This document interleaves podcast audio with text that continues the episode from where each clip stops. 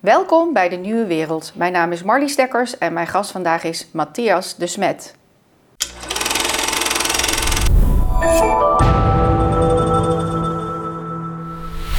Welkom. Dankjewel Marlies. We gaan het weer hebben over jouw geweldige boek, De Psycholo Psychologie van Totalitarisme. Ja, een verschrikkelijk woord. Het is niet te Ieder, doen. iedereen die mij interviewt eh, Struikelt over het woord. Ja. Nou ja, ik kan, het, ik kan er iets van maken, maar of ik het precies goed zeg, eh, weet, ik, weet ik niet. Ehm, kunnen we al spreken van een bestseller? Ik denk het wel. Ik weet niet juist wat de officiële criteria zijn, maar er zijn toch een, eh, een dertienduizendtal exemplaren verkocht op dit moment. Dus dat, eh, Dat, is, dat gaat dan... dat loopt eh, goed. ja. En in Ja. het Engels vertaald? En de Engelse vertaling komt uit eh, op 16 juni. Ja. En de voorverkopen die gaan heel goed, begreep ik, want je staat al in de top ja, ja. 5 van...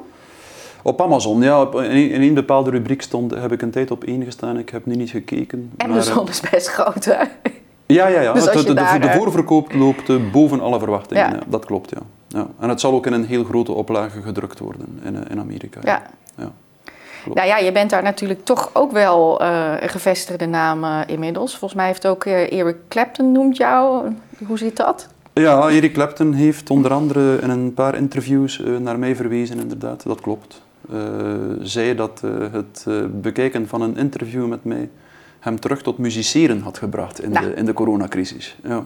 Hoe, Ja. hoe mooi kan dat zijn? Ja, dat had ik nooit verwacht. Ik speelde vroeger eh, zijn liedjes op gitaar. Ja, En nu, eh, ja, inderdaad. Ja, doet, eh, ja, is een, een grote eer eigenlijk. Ja. maar ik, bedoel, ik denk dat, dat, in, dat vooral Engelstaligen er heel erg naar uitkijken. Want je naam gaat rond, je gedachten. bij veel podcasts wordt er over, over gesproken. Eh, toch wel bij podcasts met heel veel luisteraars. Mhm. Ehm, maar de echte, van echt jouw gedachten, dat, dat is iedere keer in een beetje soundbites. Hè? Dus dat is, eh, dat is natuurlijk zoiets mooi aan deze zender, dat we daar dan 45 minuten of een uur en een aantal keer aandacht aan kunnen besteden. Inderdaad. Dus ik denk dat ze er rijkhalsend naar uitkijken. Ja. Ehm, nou, we hebben deel 1 de vorige keer eh, uitvoerig ehm, eh, besproken. Deel 2 gaat vooral over massavorming. Mhm. Eh, daar hebben we natuurlijk ook al veel aandacht aan besteed. Dus we gaan vooral de focus leggen over deel 3. En ook een heel mooi voorbij het mechanistische wereldbeeld. Mhm. Maar misschien toch om heel even zo'n 5 tot 10 minuten even een samenvatting voor, voor we in ehm, deel 3 duiken. Ja, ja, inderdaad. We hebben, al, eh, we hebben het al eh, ver- verschillende keren gehad over, over massavorming eigenlijk. Ehm, eh, maar ik kan er beknopt inderdaad, ik kan het beknopt wel nog, nog iets samenvatten. Dus de, de, lijn, de denklijn van het boek gaat ongeveer als volgt.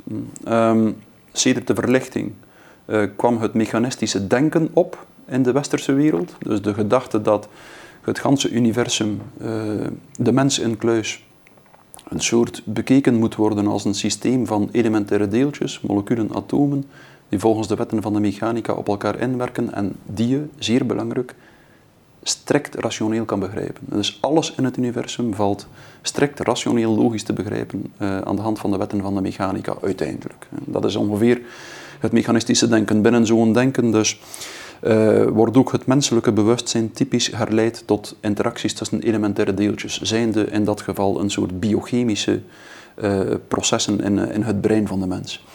Ehm, dat soort denken dat wordt in deel 1 vooral uitgelegd. Eh, heeft ons inderdaad toegelaten om een aantal zaken rationeel te begrijpen en te beïnvloeden, maar op een eh, merkwaardige manier, eh, die vaak aan de aandacht ontsnapt, leidt dat soort denken ook tot sociaal, sociaal isolement. Een soort, het zorgt dat de mens stopt met resoneren met zijn natuurlijke en sociale omgeving. In zekere zin doet het dat rechtstreeks. Iemand die alles logisch bekijkt en rationeel bekijkt.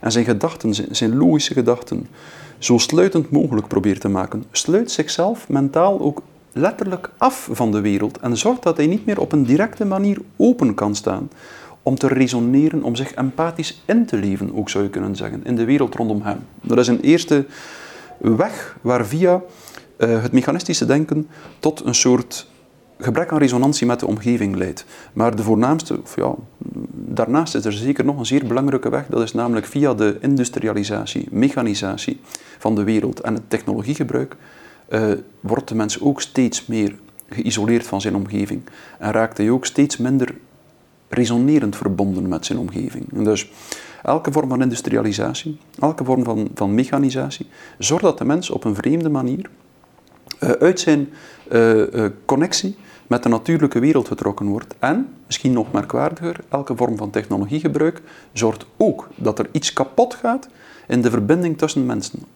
En dat staat grondig uitgelegd in deel 1 van het boek met een heel aantal uh, voorbeelden. We hebben het daar eigenlijk vorige keer ook al een groot stuk over gehad. Zeker.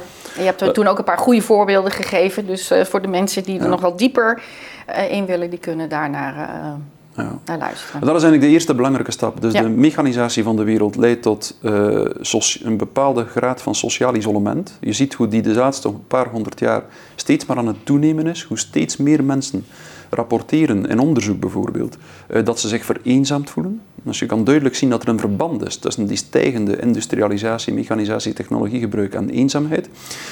Dan, dus uh, mechanistisch denken leidt tot eenzaamheid. Eenzaamheid leidt tot gebrek aan zinverlening. Zeer typisch, wordt ook goed uitgelegd waarom. En uh, uit sociaal geïsoleerde mensen en, en die ook een gebrek aan zinverlening ervaren, gaan typisch iets ontwikkelen wat ik vrij zwevende angst, frustratie en agressie noemt, wordt in de psychologie regelmatig zo genoemd. Dat wil zeggen een soort angst, frustratie en agressie, waarbij men niet weet waarvoor men bang is, waarom men zich gefrustreerd voelt en waarom men zich agressief voelt. En dat is altijd een enorm onaangename toestand. Er is een toestand waarbij iemand bang is, bijvoorbeeld, maar zich niet kan verweren tegen de angst, omdat hij simpelweg niet weet waar de angst vandaan komt, waarvan hij bang is. In die toestand precies is iemand gevoelig voor massavorming, dan is er maar een vonk nodig om een fenomeen van massavorming te doen ontploffen in de maatschappij. Die vonk bestaat altijd uit wat Gustave Le Bon de suggestie noemde, als er onder die omstandigheden een verhaal naar voren geschoven wordt in de media, in de massamedia verspreid wordt, dat een object van angst aanduidt en een strategie om met dat object van angst om te gaan, pakweg virus, lockdowns, dan zie je hoe alle vrijzwevende angst zich aan het object van angst koppelt en hoe er een enorm draagvlak ontstaat om mee te gaan in de strategie om om te gaan met het object van de angst. En daaruit ontstaat, omdat veel mensen samen meegaan in die strategie, ontstaat een nieuw soort sociale band die één groot probleem heeft. De sociale band die ontstaat, de groep die zich vormt, dus de massa, wordt niet verbonden door dat individuen zich terug aan elkaar verbinden, doordat individuen solidair worden met elkaar. Nee, die sociale groep wordt gevormd doordat elk individu afzonderlijk zich connecteert met het collectief. Ja. Je krijgt daardoor een heel speciale sociale band. Je krijgt een band, een soort groep, waarbij de band tussen de individuen steeds meer achteruit gaat. En waarbij individuen radicaal bereid worden om elkaar te verklikken, ook de mensen die ze vroeger graag zagen, om zogezegd het collectief een dienst te bewijzen. Ik ga u een strafvoorbeeld geven dat ik drie weken geleden gehoord heb van een Iraanse dame. Dat voorbeeld eh, dat gesprek met die dame is te vinden op, uh, op internet. Je had een podcast met haar, toch? Ik had een podcast met haar. Maakte veel indruk op je, begreep ik. Uh, ja, die, ja. Die, die, mevrouw uh, noemt Shoreh Feshtali en heeft, heeft zelf de Iraanse revolutie meegemaakt. En ze heeft daar met haar eigen ogen gezien hoe een moeder haar zoon verklikt had bij de overheid en hoe ze hem eigenhandig de strop om de hals legde op het schavot en daarvoor een medaille van heldenmoed. Daarvoor een medaille van heldenmoed vroeg.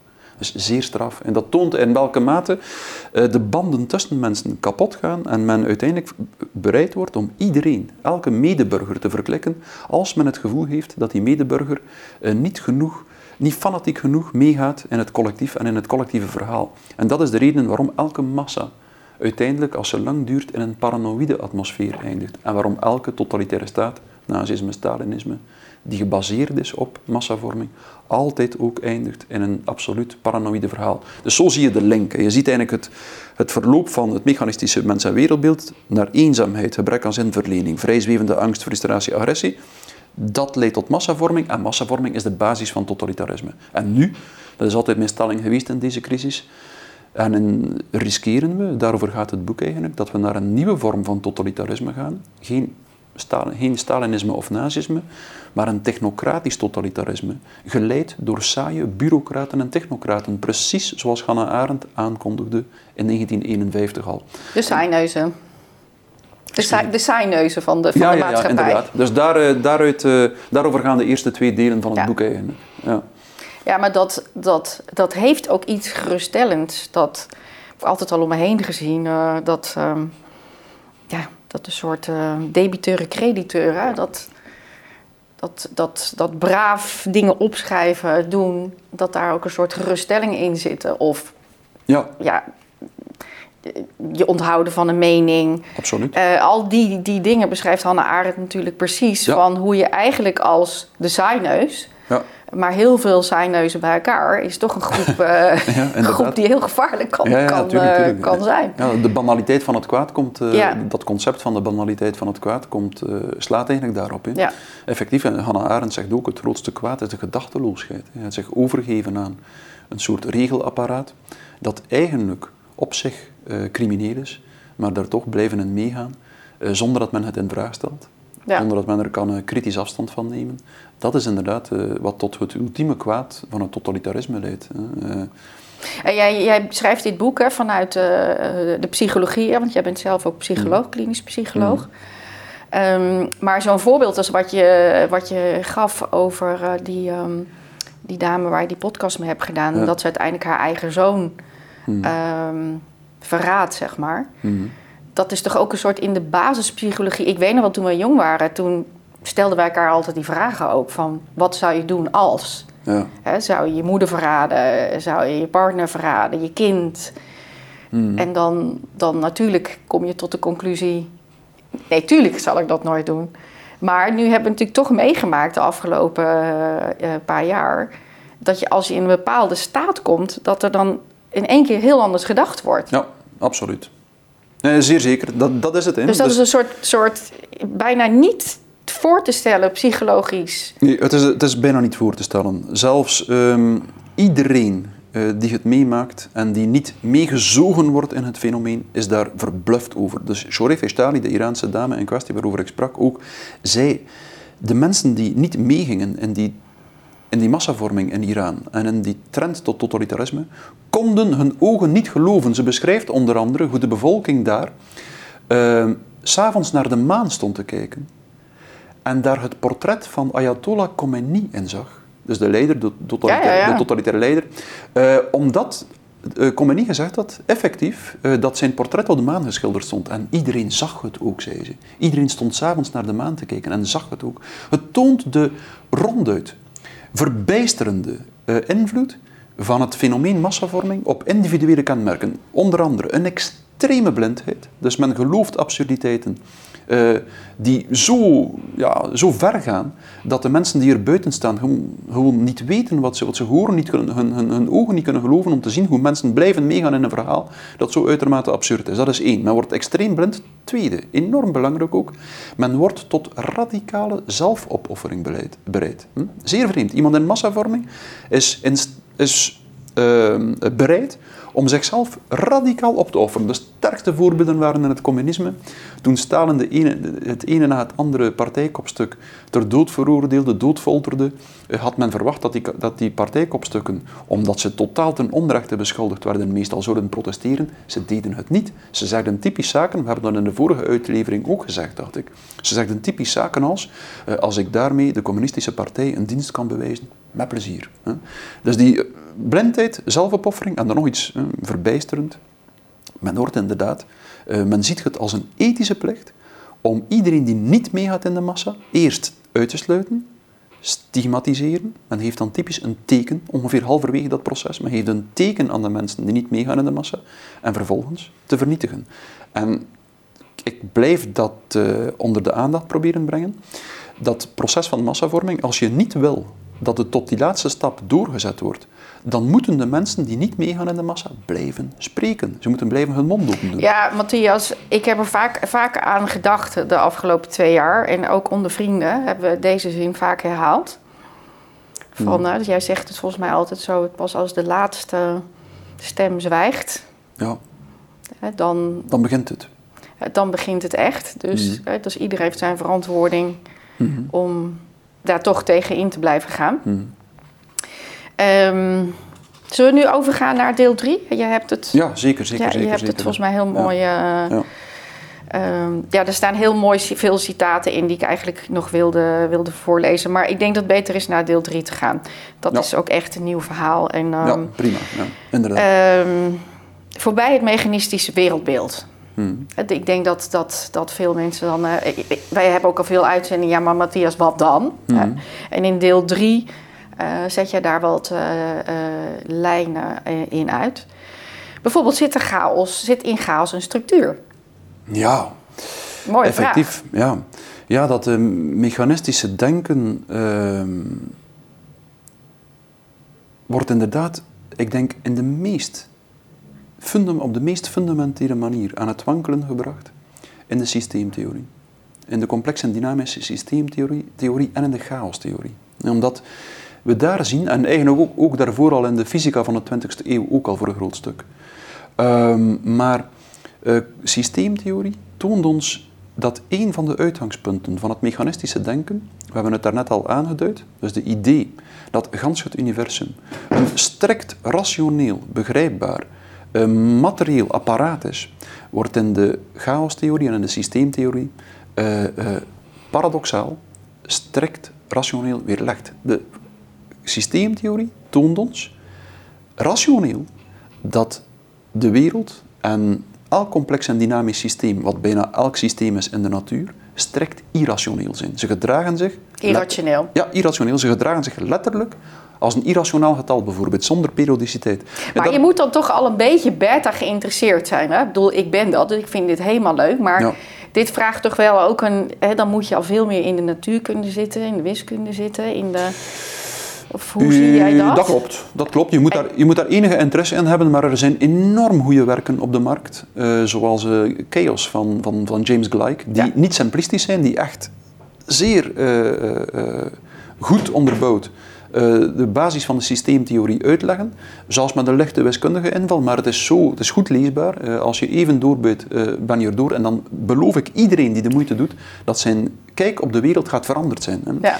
Eh, Gleick zei, eh, er zijn in de 20e eeuw drie grote revoluties geweest. Eh, dat is de relativiteitstheorie, de kwantummechanica en de systeemtheorie. En ik dacht eerst toen ik dat las, ja, die kerel eh, weet niet goed wat relativiteitstheorie en, eh, en eh, kwantummechanica is. Eh, die beseft niet welke revolutie dat teweeggebracht Ja. heeft. Maar toen ik zijn boek gelezen had, zei ik, het is waar. Eh, het is waar, het is een even grote revolutie. En het is dat... we moeten echt moeite doen, denk ik, als we dus een grondige oplossing willen vinden voor de problemen die we net beschreven hebben, die begonnen bij het mechanistische denken en via massavorming eindigen in de concentratiekampen en het totalitarisme, moeten we de kern van het probleem aanpakken. En dat is dat uitgangspunt, mechanistische denken. Want eigenlijk zou je kunnen zeggen, massavorming is bijvoorbeeld en totalitarisme zijn een soort symptomatische oplossingspogingen voor al die eenzaamheid en al die andere kwalijke psychologische effecten dat het mechanistische denken in eerste instantie veroorzaakt. En symptomatische oplossingen zijn op termijn altijd niet vast, omdat ze de oorzaak niet aanpakken. Je ziet het ook duidelijk. Een massa lijkt een oplossing te bieden voor de vereenzaming, men voelt zich weer verbonden, maar in wezen creëert het nog meer eenzaamheid en nog meer paranoia in de maatschappij, nog meer eh, verbrokkeling van de sociale band. Dat is hetzelfde als met de belofte van technieken. Die zou ons heel veel vrije tijd geven. Inmiddels hebben we meer burn-out dan, dan eh, ooit tevoren. Helemaal. En zijn we, Ja. zijn we drukker dan, dan tevoren. Dus, dus de promise, zeg maar, die het iedere keer eh, in zich heeft, die, die, die, wordt, die wordt er niet ingelost. En toch blijven we iedere keer op die blinde muur eh, aflopen, zeg maar. In de gedachte dat, dat dat dus de oplossing zou geven. Ja, ja, er zijn zeer veel zo'n voorbeelden te vinden. Hè. Keynes geloofde dat begin de 20e eeuw, eh, zij begin 20e eeuw in 1914 dacht ik of zoiets, dat we tegen het einde van de eeuw maar acht uur per week meer zouden moeten Ja. werken eh, om, in onze, om, om in ons levensonderhoud te voorzien. En in wezen had hij gelijk, hè. we zouden maar acht uur per week meer moeten werken. En toch werken we nu meer dan ooit tevoren, meer uur dan ooit tevoren. Dus, eh, dus je ziet iets in het mechanistische denken mist zijn doel. Hè. Het, maakt, eh, het, eh, het, eh, het creëert nog meer van hetgeen van dat het probleem was. En ehm, eh, in dat opzicht is het enorm belangrijk, een, als we niet willen blijven symptomatische oplossingen uh, genereren en eindigen in totalitarisme, gaan we moeten ons afvragen hoe we, van dat, hoe we aan dat mechanistische denken voorbij geraken. En daar moet je het niet ver zoeken. De wetenschap zelf heeft ons eigenlijk naar de rand van dat mechanistische denken gebracht, heeft getoond dat het niet klopt en, en, en, en, en de weg geopend naar een andere manier van de wereld kennen. Hè. Onder andere via chaostheorie en systeemtheorie, denk ik. Maar kan je toch ons een beetje meenemen? Hè? Want ik denk dat het toch voor, voor veel mensen een beetje... Uh, dus door, door Newton, door Einstein, weet je wel. Bedoel, we kunnen vliegen, we, kunnen, we hebben heel veel nieuwe ontwikkelingen uh, kunnen, kunnen, kunnen ontwikkelen techniek gedreven. We hebben uh, afwasmachines, we hebben auto's. We hebben, uh, dus, dus door de, de, gedachte van ontstaan in de 17e eeuw en daarna verder ontwikkeld, heeft ons licht gegeven, kunnen bellen. Dus het voelt als we, hebben de we hebben de waarheid, de absolute waarheid, gebroken. Hè, wij, mm. wij snappen dat als mens. Mm. Uh, de chaostheorie, uh, kwantummechanica, die zet dat gewoon weer op zijn. Ja, dat, dat, die, die, die, laat, die laat dat eigenlijk weer zien van nou, dat kan je niet alleen maar zo zien. Nee, inderdaad, tuurlijk, tuurlijk, tuurlijk, tuurlijk. Ja, zeker. Hè. De, de Hans, die poging om de wereld rationeel te analyseren en te begrijpen, heeft iets opgeleverd. Hè. Dus, de, dus op een aantal punten... Maar dat is dat vooruitgangsdenken ook. Ja, dus dat, is dat vooruitgangsdenken, inderdaad. En dat, dus er is op, op een bepaald gebied wel degelijk een, een spectaculaire, nauwelijks voorstelbare vooruitgang geweest. De mens heeft enorm enorme mogelijkheden ontwikkeld om de wereld te manipuleren en te veranderen, een stuk naar zijn hand te zetten. Maar terzelfde tijd, zelfs op dat vlak zie je al dat er iets niet helemaal gelukkig en geslaagd is. Je ziet dat met elke vorm van mechanisatie eh, er ook iets verdween. Eh, met elke vorm van rationele beïnvloeding van de wereld er ook iets haperde aan de uitvinding. Je kan bij wijze van spreken uh, een natuurlijke plant uh, op, op waterteelt en, en met chemische voeding proberen te imiteren en, en misschien veel efficiënter produceren. Maar je zal zien dat de, de artificiële variant niet dezelfde is als de natuurlijke, dat er iets verdwenen is uit de natuurlijke variant. Dus neemt niet weg. Er is een enorm, de rationele analyse van de wereld was een enorm succes. En terzelfde tijd, inderdaad, botsen we ten eerste op een aantal kwalijke neveneffecten van Hans die rationalisatie, die niet eenvoudig zijn. En zien we ook dat ze een absolute limiet kent. En dat is wat kwantummechanica ons zo mooi getoond heeft. Kwantummechanica heeft ons perfect getoond uh, dat die elementaire deeltjes, moleculen, atomen, waar, waaruit men dacht dat het universum was opgebouwd, dat die verdorie niet gemakkelijk uh, te vangen zijn. Hè. Dat, dat, ja, men ongeveer. Dacht, men, het ja, is ongeveer. Men dacht inderdaad, men, men, dacht eerst van dat dat massieve deeltjes waren, dan dat het uh, uh, waren, dan dat het trillingen waren en vervolgens, zoals Heisenberg zei, het zijn eigenlijk gewoon denkvormen, hij. Dus die reageren op ons denken, die vooruit en achteruit kunnen gaan in de tijd, die op meerdere plaatsen tegelijk kunnen zijn. Dus gans dat idee van een, een een mechanistisch voorspelbaar universum viel toen al compleet in het water. Het universum bleek onwaarschijnlijk veel betoverender te zijn.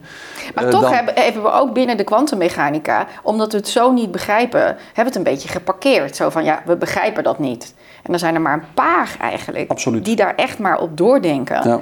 En wat echt dan bijvoorbeeld doorrekent, als je het dan wiskundig en rationeel, dan zouden er misschien wel twintig versies van jou en mij en van iedereen zijn. Weet je, wat ja, ja, dan weer zo absurd voelt.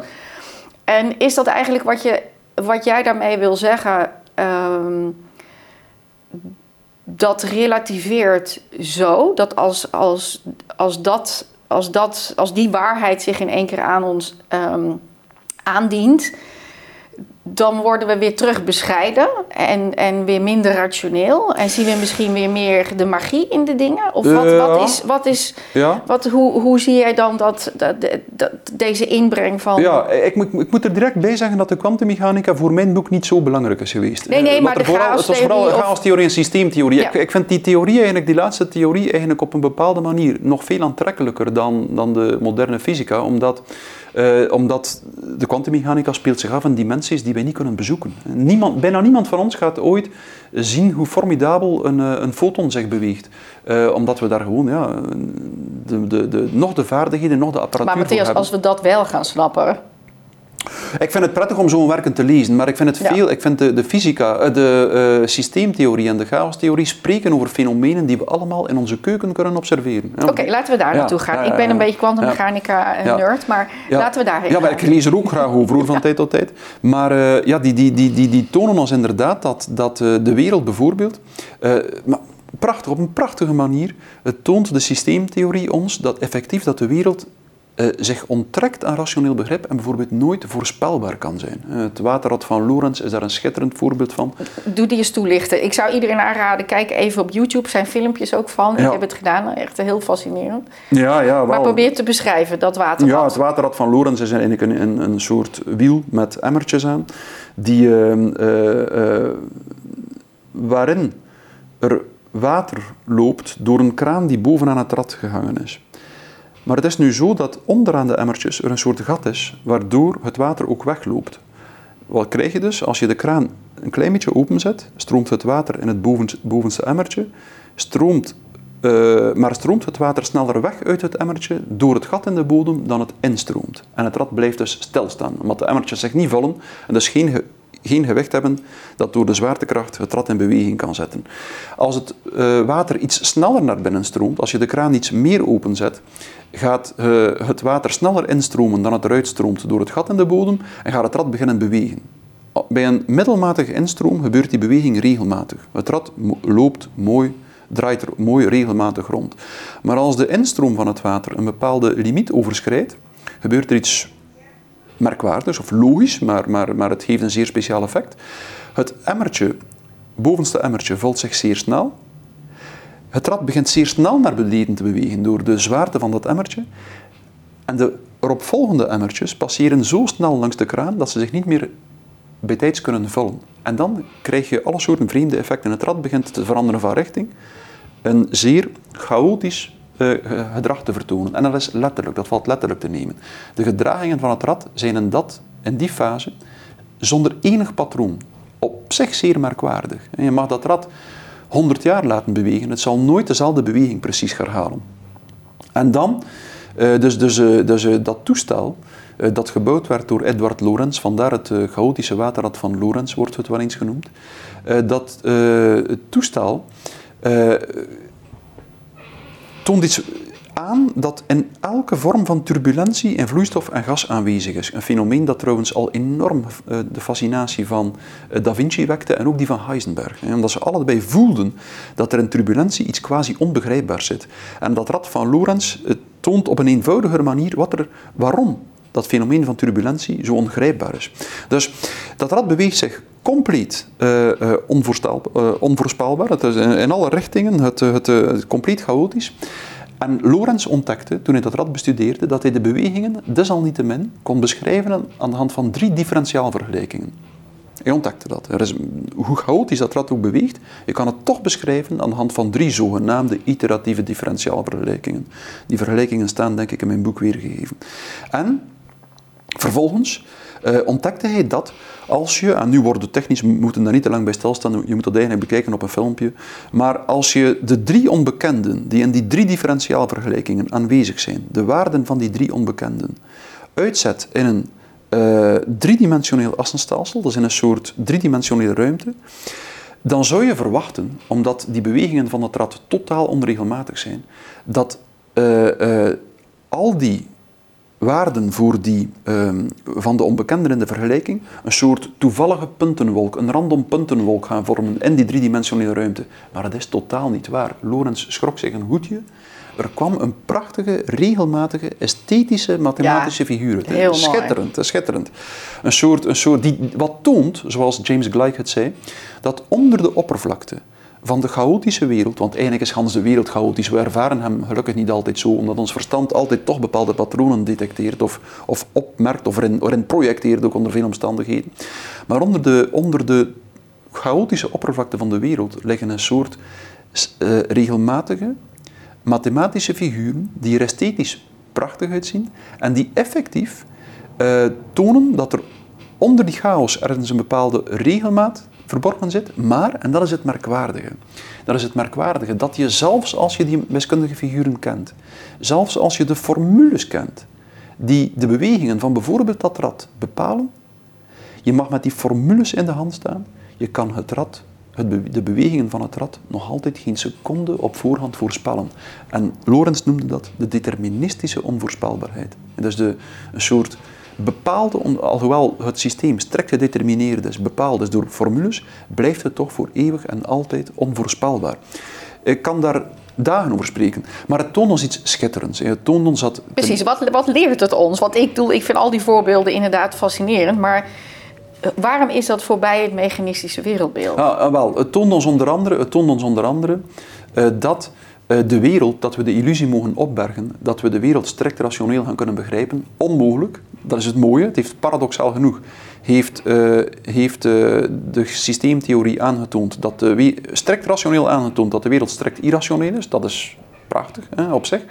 En ten tweede het toont het ons ook dat we nooit gaan kunnen voorspellen. En dat is die, dus dat, dat, dat, dat idee. Dus dat, dat geloof in modellen, wat de ja. afgelopen jaren ons leven ook heeft bepaald. In het bedrijfsleven is het ook niet anders, kan ik je vertellen. Hmm. Alles wordt platgeslagen naar, naar cijfers en modellen zeg jij, hier wordt eigenlijk aangetoond dat dat. Het toont, het toont, er is altijd een bepaalde voorspelbaarheid, omdat eh, complexe en dynamische systemen zijn niet altijd in een chaotische fase. Er zijn veel momenten waarop ze in een soort regelmatige fase zijn. En dan kan je ze wel, dan kan je ze wel en dat zetten we in. tot een bepaalde hoogte voorspellen. Zoals een camera, telefoon ja. en dat soort dingen. Maar er is ook een heel deel niet. Ja, absoluut. En er is een kans, dat is zeer belangrijk. Op elk moment uh, is er een kans op radicale onvoorspelbaarheid. Dus het leven kan op elk moment een, in een radicaal chaotische fase en in een, in een, in een, in radicale onvoorspelbaarheid vervallen. Effectief, het toont ons als we naar de wereld kijken, en daar komen we bij de kern van de zaak, denk ik, dat, dat, dat, dat besef dat het menselijke verstand gelimiteerd is, dat gaat eigenlijk rechtstreeks in tegen de vertrekpunten van de verlichtingstraditie, die geloofde dat alles rationeel begrijpbaar is. Lees er bijvoorbeeld Laplace op na, ja. een bekende Franse wiskundige eh, uit de 19e eeuw. Uh, er was, de verlichting vertrekt, wordt ook vaak de ideologie van de reden of van de ratio genoemd, en vertrekt echt vanuit het idee dat het leven rationeel begrijpbaar is en dat de rationaliteit het sturende principe moet zijn uh, in, uh, in het leven. En dat wordt op de helling gezet door iets als, als, als systeemtheorie bijvoorbeeld. En volgens mij veel belangrijker op psychologisch vlak, en, en daar raakt het, het thema van het totalitarisme en de massavorming, veel belangrijker op psychologisch vlak is dat vanaf het moment dat je begint te kunnen aanvaarden en beseffen dat je met logica het wezen van de dingen rondom u niet kan begrijpen. En als je naar een plant kijkt, als je die plant benadert als iets waarvan je op voorhand veronderstelt dat ze tot de categorieën van je logisch denken gaat te reduceren zijn, dan zie je die plant niet uit. Je vertaalt die plant onmiddellijk in je eigen logische denkcategorieën. En je isoleert je daarmee eigenlijk van die plant. Als je daarentegen de wereld benadert vanuit het besef, terecht volgens de wetenschappen nu, dat je logisch verstand altijd ernstig gaat tekortschieten, voel je, ik heb dat letterlijk in mijn eigen leven echt zo ervaren. Je, ik, bijna letterlijk alsof uh, uw denken zich opent. Je stopt met logische stappen, op logische stappen te schakelen, aan elkaar te schakelen. Alsof uw denken zich opent en je, je kan openstellen voor het mysterie van alles buiten u. Die plant draagt iets in zich dat je nooit had kunnen begrijpen. Die andere mens waarmee je spreekt draagt iets in zich dat je nooit had kunnen begrijpen. Zeker bij mensen vind ik dat enorm beslissend. Als je een mens benadert vanuit de overtuigdheid, ik weet wel hoe je in elkaar zit, of ja, ja, uh, uh, zo en zo ongeveer uh, zit jij in elkaar, dan ontmoet je die andere mens niet. Maar als je die andere mens ontmoet en zegt van kijk, ik ga nooit helemaal weten wie jij bent, ik ga je nooit helemaal begrijpen, maar vertel mij maar wie je bent. Ik ga luisteren naar u. dat op dat moment kan je, open je je en kan je een mens echt ontmoeten en zijn anders zijn. En kan je ook beginnen op een andere manier kennen, op een resonerende manier kennen. Waar het Franse woord connaître zeer mooi naar verwijst. Co-naître, samen geboren worden. En dat is, iets, dat is een volledig andere vorm van kennen dan de vorm van kennen die gebaseerd is uh, die, die, die, waar het Franse woord savoir naar verwijst. Voir, zin. Een soort logisch begrip op basis van wat je observeert. En dat is, je hebt die twee vormen van kennen. Die dus, uh, uh, waarbij de eerste vorm, de rationele vorm van kennen, u een stukje inderdaad de wereld kan doen begrijpen, u een stuk het vermogen heeft om de wereld te manipuleren en, eh, en eh, naar uw hand te zetten. Maar op die manier, en dat toont iets als systeemtheorie ons, raak je nooit de kern, het wezen van de dingen buiten u. Het rationele begrip raakt nooit de kern van de zaak, het wezen van de zaak. Dat kan je maar begrijpen om de woorden van René Tom te gebruiken, een van de grootste wiskundigen van de 20e eeuw en een van de grondleggers van de systeemtheorie. Hij zei, dat deel van de werkelijkheid dat je rationeel kan kennen, is extreem beperkt, zei hij. De rest van de werkelijkheid kan je alleen maar kennen door je er empathisch in in te leven. En hij voegde er nog aan toe, grote wetenschappers onderscheiden zich van doorsnee mensen niet doordat ze een veel groter vermogen tot rationeel begrip hebben. Ze onderscheiden zich van doorsnee mensen doordat ze het vermogen hadden om te resoneren met de dingen die ze onderzochten. Ik vind dat een, een, is een quote waar ik, een, een, een citaat waar ik uh, enorm van hou, omdat hij inderdaad iets van de essentie toont. Door het fanatieke gelovende reden, door de overtuiging dat alles rationeel en logisch begrijpbaar is, heeft de mens zich ook op die manier rechtstreeks geïsoleerd van de wereld. Hij heeft, heeft zichzelf afgesloten en is een stuk het contact, het resonerende contact met de dingen rondom hem verloren. En de grote stap, de eerste, de belangrijkste, meest fundamentele stap die we als cultuur moeten zetten om uit de huidige reeks schijnbaar oneindige crisis, crisissen te geraken, waar we nu in aan het sukkelen zijn, is de overgang kunnen maken, dat is het wezen van de dingen, van een rationele vorm van kennen naar een resonerende, inlevende vorm van kennen. Het is die overgang die cruciaal gaat zijn, die bepalend gaat zijn. Dat betekent niet dat we de ratio moeten overboord smijten. Voor mij totaal niet. Hè. Totaal niet. In die zin, we moeten de ratio zo ver mogelijk volgen en dan de eerlijkheid hebben om, en de nederigheid ook om te zeggen, kijk, hier stopt de weg die ik met mijn verstand kan afleggen. En hier raak ik aan iets dat veel meer een mystieke werkelijkheid is. Iets dat nooit definitief in logica te vatten uit zijn en waarmee je alleen even kan meetrillen als je je ervoor kan openstellen, even kan meetrillen en even kan participeren in de tijdloze wijsheid en de tijdloze muziek die in alles trilt buiten mezelf. Dat is de grootste, de grootste stap, denk ik. En dat is... Uh, ja. Ja, ja, als ik jou zo beluister, dan denk ik dat we um, dat nog op één terrein wel omarmen. En dat is de liefde. Mm. dus in de liefde accepteren we dit. Heel deze gedachte die jij net beschrijft. Ja. dus ik denk dat, dat we hem daar nog niet gekild hebben. Ja, of je kan het ook anders zeggen. De liefde verschijnt waar die gedachte nog niet de absolute overhand heeft. Niets is zo uh, onverenigbaar met liefde, denk ik, dan uh, de illusie uh, dat we de ander helemaal begrijpen. dat is precies een, een verliefdheid bijvoorbeeld, mm -hmm. waar je op botst als je verliefd bent fascineert er je iets in de ander, zonder dat je er kan de vinger op leggen. Ja. Je kan dat proberen hè, als je verliefd bent. Ja, maar daar zien we ook die, die, die, de wondere wereld, zeg maar. Maar dan noemen we dat weer rationeel. Ja, je hebt de roze bril op. Hmm. maar, dat, dat, maar volgens mij zit het wel, wat jij bedoelt daar, hè? dus in die, als je verliefd bent. Absoluut. De ene verliefdheid is de andere niet. Soms is een verliefdheid zeer imaginair, laten we zeggen, heeft ze zeer veel met het uiterlijk te maken. Maar zeker de verliefdheden die uh, zich aandienen als een fenomeen in de eerste plaats op het niveau van het spreken, waarbij je iemand ontmoet waarvan je zegt van tja, ik wil eindeloos spreken met die persoon. Alles wat ik zeg krijgt een nieuwe betekenis. Alles wat zij zegt uh, wordt fonkelend mooi. En het fenomeen waarbij je geraakt wordt door iemand, iemand die je interesse opwekt, iemand die op gans het leven een nieuw licht werpt en die je zin doet krijgen om over alles te spreken uh, wat zich aandient in het leven. Dat is de, de echte uh, verliefdheid. Die kan natuurlijk verweven zijn met een stuk aangetrokkenheid tot het uiterlijk, liefst hè, ook. Uh, maar, maar effectief, daar zie je het best van al, denk ik. Je kan, je kan, als je verliefd bent op iemand, is het normaal gezien onmogelijk om te zeggen waarom je precies op die persoon verliefd bent. Simone de Beauvoir zei dat trouwens. Er was een minnaar van haar die haar een brief schreef.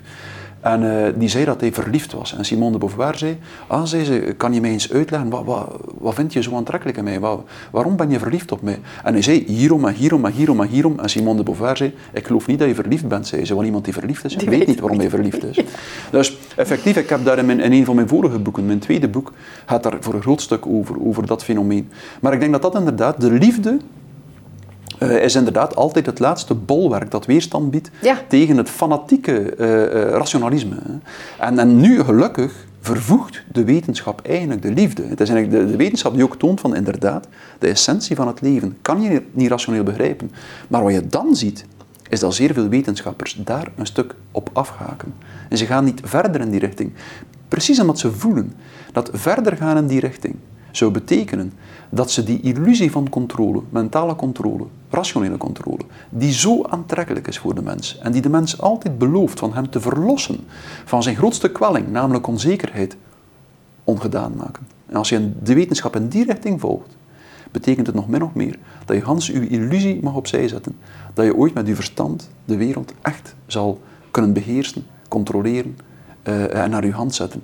En daar inderdaad, daar is het kiezen, denk ik. Tussen ofwel blijven geloven in de illusie van de, van, van, van rationaliteit, of van de rationalistische illusie, of inderdaad weer naar de liefde gaan en naar die resonerende connectie met iets in vol respect voor wat er buiten u ligt. Ja, ik, probeer het ook um, het, um, op het bedrijfsleven. Dus, dus binnen het bedrijfsleven is schaalbaarheid natuurlijk altijd een heel belangrijk iets. En dan hebben we hele HR-afdelingen en die beschrijven mensen hun uh, gevoelens en emoties ook uh, allemaal in stappen. Um, um, als je dit zou gaan doen zoals jij dat zo vol passie net um, uh, aan ons toont. als we ons op die manier zeg maar open gaan stellen. Hoe grote groep zou je dat kunnen doen? Is, is, is een tribe waarmee je zeg maar op die manier je hart, je zijn, je nieuwsgierigheid, uh, dan komen we denk ik toch weer op de schaal waar we misschien vroeger in zaten. Maar nu willen we het natuurlijk op duizend mensen kunnen doen. En, en met social media zitten we op, op, op nou ja, hoe meer mensen je kent, hoe, hoe beter het is. Want dit vraagt natuurlijk toch een soort intimiteit, een tijd, een nieuwsgierigheid, een openheid. Hmm. Die wel zijn beperkingen heeft, lijkt mij, in, in zijn schaal. Ja, dat, ben ik nu eh, heel dat, praktisch? Nee, uh, ik denk dat dat... Nee, nee, ik vind dat we altijd de praktische vraag ook moeten stellen. Hè, van wat kan je ermee aanvangen? Uh, dat is een zeer goede vraag. En ik denk Kijk, bij een verliefdheid, ik, dat kan je een paar keer in je leven, zeg maar, weet je wel. Het is mhm. natuurlijk ook een soort totaal uitputtend. het heeft een mhm. mega schoonheid, maar het is ook totaal op uitputtend. Um, dus als je dat, zeg maar, doet gewoon bij, bij zoveel mensen. Dat hmm. je, je ook een soort afsluiten daarvan geeft, ja, geeft soms ook uh, rust. Ja, dus hoe ja, moeten we dit in de praktijk... Uh, gelukkig, gelukkig, worden we niet al te veel verliefd in ons leven, dat is waar. Maar, eh, nee, maar, precies, dat, is, het, dat is niet te doen. Nee, nee, maar ik denk wel, je kan wel groepen mensen... Um, ik denk dat een, een, een, een samenleving die uh, op een meer bij wie de, die gebaseerd is op een meer resonerend weten, op een meer resonerende contacten. En niet zozeer, dat is in dat opzicht is uh, uh, dat soort samenleving het absolute tegendeel van totalitarisme. Totalitarisme is een soort genadeloos uh, toepassen van een bepaalde theoretische ideologie, zoals de rassentheorieën of, of, of een of andere historisch-materialistische communistische theorie of zo, of een transhumanistische ideologie, op de maatschappij, gans die maatschappij hervormen uh, vanuit uh, die, die, die, die logica van die theorie. En dus, dus dat is het absolute tegendeel van een maatschappij die zegt van nee, we gaan niet vanuit een soort pseudo-rationaliteit um, of, of, logica de maatschappij organiseren. We gaan die maatschappij ordenen, dat is zeer belangrijk denk ik in zo'n maatschappij die meer op een resonerend weten gebaseerd is.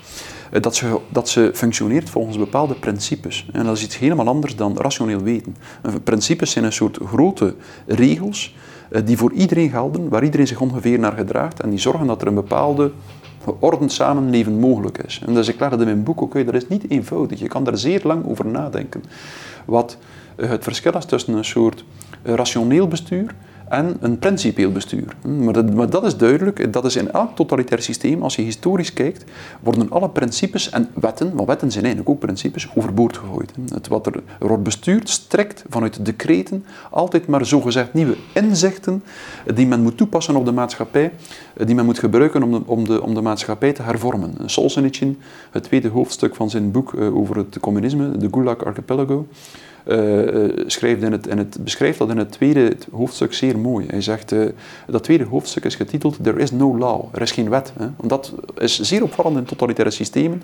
Wetten worden overboord gegooid, alle principes worden overboord gegooid. Het principe van het zelfbeschikkingsrecht, het principe van de vrije meningsuiting enzovoort enzovoort. Allemaal overboord. eh, en worden allemaal vervangen door een soort ad hoc gefabriceerde eh, richtlijnen vanuit een soort rationeel, pseudo-rationeel begrip van de situatie. Ehm, dus kan je dat realiseren, zo'n samenleving, uh, uh, op grotere schaal? Ik, ik, denk het wel. Ik denk het wel. Maar dan gaat er inderdaad dan gaat betekenen dat er weer een soort principes moeten overeind gehouden worden die de basis van alles zijn. Vrijheid van meningsuiting, zelfbeschikkingsrecht, vrijheid van de grondwet. ideologie. Ja, inderdaad. Die waren er, die waren er, inderdaad. De grondwet weer, ja. ja. En dat als een soort rechtsnoer. Er moeten niet te veel principes zijn en niet te weinig. Uh, dus ik, ik, ik, vermoed dat dat, uh, dat dat perfect mogelijk wordt. Maar alleen maar, zoiets kan alleen maar werken als er inderdaad genoeg mensen zijn die, uh, die, die, op een, op een, die in staat zijn om tot een soort weten te komen op basis niet van rationeel, rationele analyse, maar wel op basis van een soort inderdaad empathische inleving of resonantie. Daar hangt alles van af. Je kan dat niet in eenvoudige regels gieten, maar ik denk echt dat de kern van de zaak wat onze cultuur, uh, uh, wat ons kan verlossen van de problemen die eigen zijn aan de rationalistische verlichtingscultuur, is die stap zetten voorbij rationeel weten naar een andere vorm van kennen, zowel elkaar kennen als mens, als de natuur kennen, die niet meer, die, uh, die niet meer gebaseerd is op, op puur logische deducties omtrent de natuur, maar wel op een, een soort invoelend, invoelend weten. Gewoon, noemden we dat als we zeggen van menselijk gedrag. Dat is gewoon zo'n zo'n gezegde. Hmm. Bedoelen we daar dan eigenlijk ook niet mee juist niet die rationele kant? Ja, menselijkheid, hè? absoluut. Ja, dus, dat is, dus daarmee refereren we eigenlijk ook volgens mij toch wel naar dat deel wat jij beschrijft. Dat dat is ook dat resonerende. Ja, absoluut. Inderdaad, menselijkheid en, en de meest elementaire bewoordingen uh, men noemt iemand menselijk als hij in staat is om zijn denken op de gepaste moment te stoppen en vanuit een gevoel van menselijk, een gevoel, vanuit een, een invoelen, uh, uh, zich kan laten leiden. Als je, als je bij wijze van spreken over straat loopt in de winter en er is iemand aan het doodvriezen uh, en je houdt je strikt aan je, aan je eigen uh, rationele overwegingen, kan het rust zijn dat je besluit, ik ga doorgaan naar mijn werk, anders kom ik te laat en uh, zou ik minder verdienen vandaag. ja, dat is precies wat men onmenselijk noemt. Omdat, Heb je de serie Squid Games gezien of niet? Nee. Oké, daar, daar gaat het tot zeg maar ook heel erg over.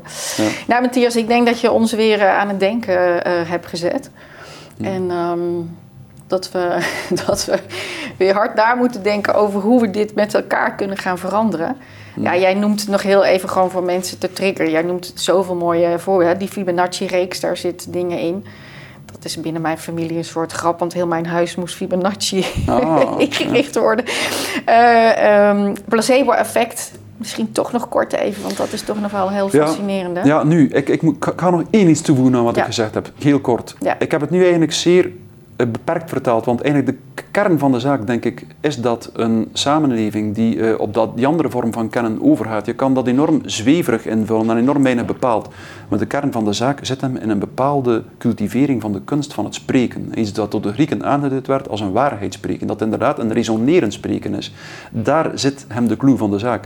Een samenleving die op de juiste moment, die de gepaste plaats kan toekennen aan de, aan de kunst van het waarheid spreken, die kan een ander soort samenleving realiseren die, uh, die, uh, die het, een rationele samenleving of een rationalistische samenleving overstijgt. maar effectief, het hoofdstuk erna gaat eigenlijk over de enorme invloed van het psychische op het lichamelijke. En waarbij ik placebo's als een voorbeeld geef, nocebo's als een voorbeeld geef, de effecten van hypnose op het lichaam. het zijn allemaal spectaculaire voorbeelden van hoe, hoe, hoe de, de, het bewustzijn het lichaam kan, kan veranderen. Maar nog eens van, van die praktijk, en ik zeg dat ook in mijn boek, verwacht ik niet al te veel. Ik denk eerlijk gezegd niet dat we via placebo's zeer efficiënt uh, alle soorten behandelingen zouden kunnen uitvoeren. Het kan, maar mocht men het algemeen gebruiken, zou het effect wegsterven, denk ik. En er zit ook altijd, naar mijn gevoel, iets onethisch in. Want eigenlijk maak je iemand iets wijs. En je zegt hem dat hij een medicijn krijgt en eigenlijk krijgt hij een meelpil. Dus op ethisch vlak zit er iets problematisch in placebo-effecten en ook in hypnose eigenlijk. In hypnose ontnemen iemand zijn wel. Um, ik verwacht veel meer uh, van de voorbeelden die Solzhenitsyn heeft, waar ik net al, waarnaar ik net al verwezen heb in zijn boek De Gulag Archipelago, waar hij onder andere beschrijft, en dat vind ik formidabel, wat het welke spectaculaire effecten hij geobserveerd heeft. Uh, uh, op lichamelijk vlak, bij mensen die zich in de gulags, in de onmenselijke omstandigheden van de gulags, waar de gevangenen een echte pest waren voor elkaar en tot radicale beestachtigheid vervielen, iemand met plezier het hoofd insloegen om hem zijn eten te, te stelen, bijvoorbeeld het weinige eten dat hij nog had, um, of zijn kledij te stelen. Um, Solzhenitsyn beschrijft hoe in de gulags, heeft er, hij had er 15 jaar in gezeten, dacht ik, in de gulags, hoe in de gulags uh, een enorm groot percentage van de mensen, van de gevangenen, tot radicale beestachtigheid verviel. Maar een, klein, een heel klein percentage de omgekeerde richting uitging. Een heel klein percentage in die omstandigheden um, zich vastbeslotener en vastbeslotener aan de principes van menselijkheid ging houden. En steeds, steeds groter en intenser ethisch bewustzijn ontwikkelden. En hij verwees onder andere naar één gevangene die daarin uitblonk. En ik citeer een tweetal paragrafen van Solzhenitsyn daaromtrent in het voorlaatste hoofdstuk van mijn boek. Hij beschrijft hoe een van die mensen die hij gekend had, daar zo ver in ging. Hij weigerde om ook maar iets te doen dat tegen zijn ethische principes inging. Als men zijn eten stal, stal hij niet terug. Als men zijn kledij stal, hing hij soms in een jutezak werken, met vier gaten ingesneden voor armen en benen, bij temperaturen van min 40, min 50 graden. Als hij door de bewakers iets moest doen wat hij onethisch vond, weigerde hij wat men hem ook aandeed, door zijn, om, omwille van zijn weigering. Solzhenitsyn zei, ik heb die man weten binnenkomen en die man had verschillende ziekten, onder andere reuma. En zei hij, terwijl de meeste gevangenen het maar een paar maanden uithielden in de gulags, en vaak nog niet zo lang, ze vroren onder andere, velen vroren in de kortste keren dood, heb ik die man, zei hij, weten binnenkomen, het 15 jaar uithouden, en hij werd steeds sterker fysiek, zei hij. Solzhenitsyn zei, dat effect, zei hij, van mensen die zich in de moeilijkste omstandigheden trouw blijven aan ethische principes, dat is spectaculair, zei hij, en dat kan je aan niemand uitleggen, die zich vastklampt aan het materialistische denken. Dat is precies uh, iets wat zo belangrijk is, denk ik, in tijden als deze, waar we inderdaad ook weer enorm op punten komen waar we uh, ons geforceerd voelen of onder druk voelen te staan om bepaalde ethische principes op te geven. Ik denk echt dat we nooit te veel energie mogen verliezen in deze tijden om te proberen weten hoe de dingen gaan evolueren. En hoe, wat deze, de reeks crisissen eh, ons precies gaat brengen. We kunnen dat niet precies weten. Wat we wel zeker kunnen weten, is dat we ons best gaan doen om ons aan bepaalde ethische principes te houden. En ik denk inderdaad dat dat uh, op zich ons iets zou kunnen leren dat ons iets zou kunnen bijbrengen dat ons toelaat om dat mechanistische denken met zijn illusie dat uh, alle heil in het leven te verwachten valt van rationeel begrip, rationele manipulatie van de wereld, uh, sterk overstijgt. En ik denk dat het leven van een mens uh, niet geleid kan worden, dat het uh, rationeel begrip het leidinggevende principes niet kan zijn en dat een maatschappij die in het rationeel begrip haar basis zoekt, gedoemd is om kapot te gaan en in radicale onmenselijkheid te verzanden. En dat het enige alternatief is een maatschappij die geleid wordt op basis van de principes van menselijkheid. En die we allemaal opnieuw moeten uitvinden, denk ik. We zijn zo'n stuk kwijtgeraakt, of het is, voor, het is voor de mens altijd een uitdaging geweest om voeling te krijgen met die principes. Want je kan die principes niet definitief onder woorden brengen, maar om ze langzaam weer te gaan voelen en er te proberen naar te leven. Ik denk dat dat een van de zaken is die, uh, die uh, uh, uh, ons, ons uh, werkelijk voorbij het mechanistische denken kunnen brengen en werkelijk voorbij alle problemen die met dat denken verbonden zijn, zoals massavorming en totalitarisme. Weer terug naar waarden en normen dan?